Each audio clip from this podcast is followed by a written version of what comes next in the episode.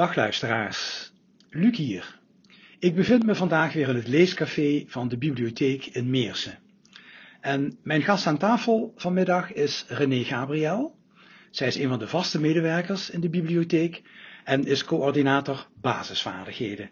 En als zodanig regelt zij alles rond het taalhuis. René, ik heb gehoord dat jij op zoek bent naar mensen die niet graag lezen. Hoe zit dat? Ja, klopt. Um, het is misschien uh, een beetje vreemd, want we zijn natuurlijk een bibliotheek met heel veel boeken. En je denkt dat uh, de mensen die naar ons toe komen graag lezen. Um, maar we doen veel meer in de bibliotheek. En um, er zijn ook mensen die lezen lastig vinden. En daar kan de bibliotheek ook iets voor betekenen. eigenlijk leren we allemaal op school lezen. Maar sommige mensen die hebben dat soms door omstandigheden wat minder goed geleerd. En dat kan dat ze daar later in hun leven dan tegenaan lopen. Um, ze vinden het misschien lastig om brieven te lezen of um, ze willen hun kleinkinderen wel voorlezen, maar eigenlijk kunnen ze dat niet, dus verzinnen ze gewoon een verhaal. En uh, het kan ook zijn dat ze schrijven lastig vinden, dus formulieren invullen of nou, dingen op het werk zijn eigenlijk heel veel situaties natuurlijk waarin wij lezen mhm. en schrijven. En um, vaak is het zo dat je dan hulp kan vragen aan een partner of aan een familielid en dat je er eigenlijk verder met weinig mensen over praat. En um, er is dus ook een grote kans dat mensen in jouw omgeving helemaal niet weten dat jij lezen en schrijven lastig vindt, dat je het eigenlijk verborgen houdt. En het zou kunnen zijn dat je denkt dat jij de enige bent die dat moeilijk vindt. En dat is absoluut niet zo. En daarom zijn wij ook op zoek naar mensen die uh, lezen en schrijven lastig vinden, want je kunt er gewoon iets aan doen. Je bent niet de enige. En de bibliotheek kan je hierbij op weg helpen. Wat kan de bibliotheek dan precies voor deze mensen betekenen? Um, nou, we hebben een taalhuis in de bibliotheek. En eigenlijk begint het gewoon met luisteren naar jouw verhaal, naar horen wat kun je wel, wat kan je niet, wat zou je heel graag willen kunnen. Um, en wij kunnen dan vervolgens helpen om te kijken wat, wat kan je dan doen, welke hulp is er voor jou, zodat je weer beter kan leren lezen en schrijven. Ik kan een voorbeeld geven. Ik was een aantal jaar geleden zelf vrijwilliger in een bibliotheek. En daar kwam een man die um, wel redelijk kon lezen, maar eigenlijk toch lastig vond om teksten goed te begrijpen. En schrijven vond hij veel moeilijker. Hij kon wel schrijven, maar toch um, nou, niet echt heel goed. Hij was er ook heel onzeker over. En um, toen zei ik al snel tegen die meneer van ja, jij kan weer naar school gaan. Er is gewoon hulp voor jou en het wordt door de gemeente betaald. Het kost verder niks extra's en dan kan je hier gewoon heel veel in leren. Dan kan je weer veel meer zelf. En die meneer zei eigenlijk in eerste instantie van ja, dat is niks voor mij, want uh, naar school, dan zit daar tussen al die kleine kinderen en uh, ik vond school vroeger al nooit leuk en uh, de meester zei ook dat ik het niet goed kon, dus nou, naar school, dat lijkt me helemaal niks. Maar die, bleef, die man bleef wel naar de bibliotheek komen en ik sprak hem elke week en we keken als vrijwilliger keek ik wat ik al voor hem kon doen, dus we hebben wat samen geoefend. En um, ja, na een aantal weken dacht ik van, ja, hij moet gewoon naar school. Ik kan dit niet uh, oplossen als vrijwilliger in de bieb. Um, daar is gewoon professionele hulp voor en er zijn speciale klassen voor. Dus toen ben ik nog eens met hem gaan praten en toen heb ik nog eens uitgelegd van, hè, je komt in een klas met mensen die ook volwassen zijn, die lezen en schrijven ook lastig vinden en je gaat op je eigen niveau oefenen. En ik heb hem toen voorgesteld uh, om gewoon eens een afspraak te maken voor een intakegesprek. Mooi. Dat hebben we gedaan en we zijn daar samen naartoe gegaan.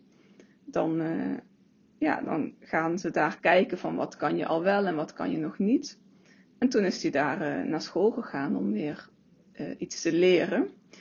En um, dat is dus eigenlijk wat de bibliotheek kan doen. Samen met jou kijken welke mogelijkheden er zijn en jou begeleiden naar meer hulp. Prima hoor. Zijn dat dan mensen met een andere moedertaal dan het Nederlands, waar je het nu over hebt? Of komt het ook voor bij mensen die in Nederland geboren zijn? Ja, heel vaak denken mensen dat komt in Nederland niet meer voor, want wij hebben toch een goed onderwijssysteem en ehm, mensen gaan allemaal naar school. Ehm, maar dat is niet zo. Het komt eigenlijk in 65% van de gevallen is het, zijn het gewoon mensen met Nederlands als moedertaal. En een veel kleiner aandeel heeft een migratieachtergrond. Dus ja, het speelt eigenlijk bij iedereen. Het kan bij iedereen om jou heen spelen. Eh, en het maakt niet uit waar je vandaan komt. Dat is inderdaad een hoog percentage als ik dat zo zie. Hoe komt het dat mensen in Nederland nog moeite hebben dan met lezen en schrijven? Kun je daar wat oorzaken voor aanwijzen? Ja, dat is altijd heel erg lastig. Het is heel vaak een combinatie uh, van factoren. Het kan zo zijn dat het vroeger op school niet makkelijk ging, dat er, um, ja, dat er bij mensen die al wat ouder zijn, kan het zijn dat er vroeger gezegd werd, nou, jij leert het toch niet, ga jij maar achter in de klas zitten of doe jij maar de praktische klusjes, jij bent beter met je handen. Um, het kan ook zijn dat er dingen thuis speelden of dat je gewoon, ja, misschien is het voor jou wel lastiger geweest om lezen en schrijven te leren. Had je er niet echt aanleg voor. Um, misschien was de begeleiding niet goed. Misschien, ja, er zijn altijd gewoon heel veel dingen die samenspelen.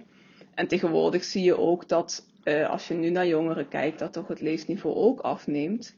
Dus dat dit ook geen probleem is wat al de wereld uit is. Um, ja, je moet gewoon meters maken en goede begeleiding krijgen en dan is er heel veel mogelijk. Ja.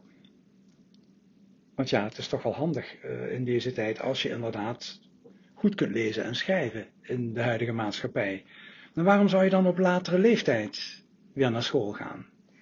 Ja, uh, wat jij eigenlijk al zegt, hè, in onze maatschappij is geschreven taal heel belangrijk. Um, niet alleen maar de saaie dingen waar we aan denken van de post uh, van de gemeente of de overheid en de formulieren.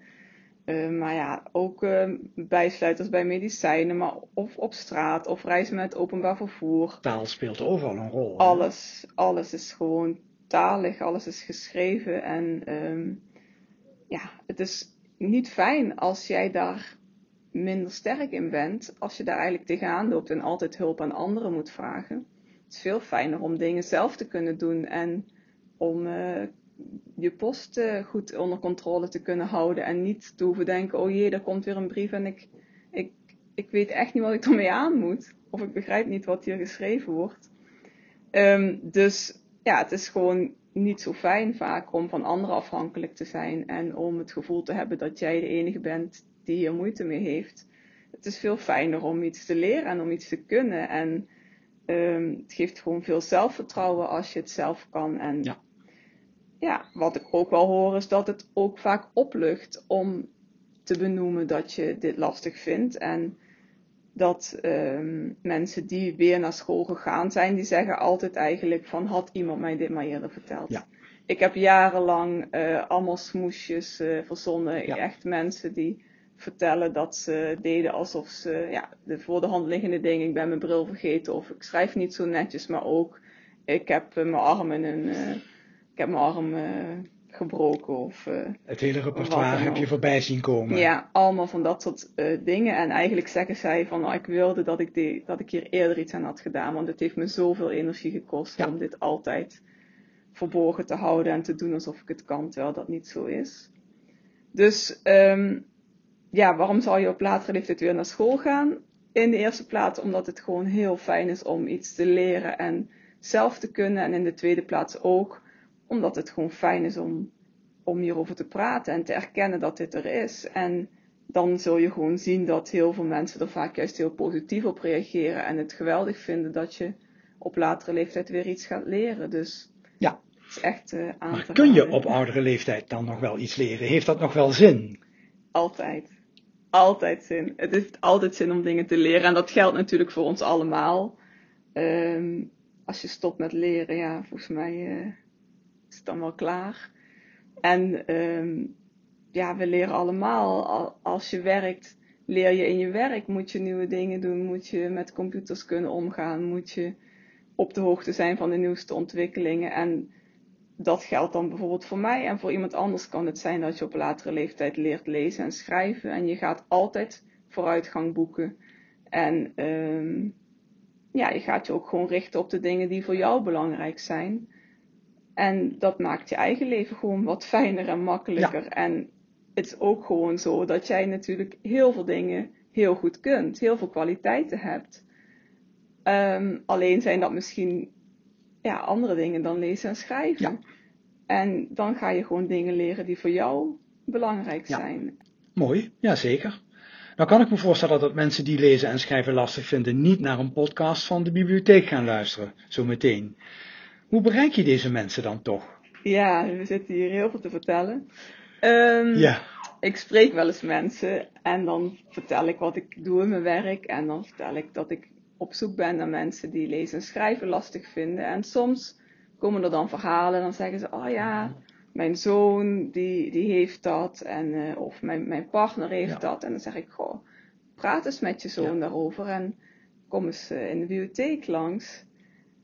En dan zeggen ze, ja, maar dat, dat heeft eigenlijk geen zin meer. Of hij wil dat niet, of zij wil dat niet. Of ja, ik kan toch alleen maar zeggen, durf erover te praten Ja. in de eerste plaats. Vaak hebben we misschien een vermoeden, maar durven we ook dingen gewoon niet eerlijk te benoemen. Terwijl we elkaar soms ook gewoon helpen door dingen eerlijk te benoemen. Ehm, en als je erover praat, dan ja, kan je gewoon samen onderzoeken van wat zou je graag willen, waar wil je naartoe. zijn. Dan ga je een stop op de horizon, een stip. Dan ga je een stip op de horizon zetten. En ehm, ja, dat is gewoon fijn. En je kunt dan bijvoorbeeld samen naar de bibliotheek komen en dan ehm, hebben we een spreekuur en dan ben ik er. En ga ik gewoon luisteren en praten en vragen. En hoe ziet jouw leven eruit? Wat wil je graag? Samen dan- kijken naar de mogelijkheden. Ja, precies. En dan kan ik ook eh, vertellen van je kunt weer naar school en kijken hoe dat precies geregeld moet worden. Of eventueel meegaan als dat fijn is. Of ja, dat kan allemaal. Heel goed. ehm, Ja.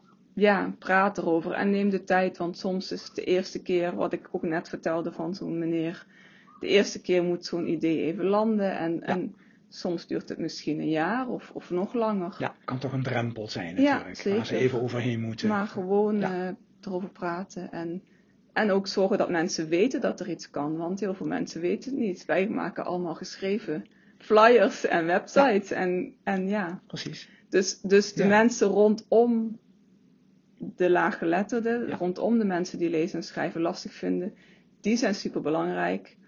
En die moeten eigenlijk als allereerste in actie komen. Nou, Dat punt heb je wel heel duidelijk gemaakt. Nou, dat is mooi. René, heel hartelijk dank voor jouw verhaal. En ik hoop dat meer mensen hierdoor de weg naar de bibliotheek zullen weten te vinden. Dankjewel. Alsjeblieft, dank je.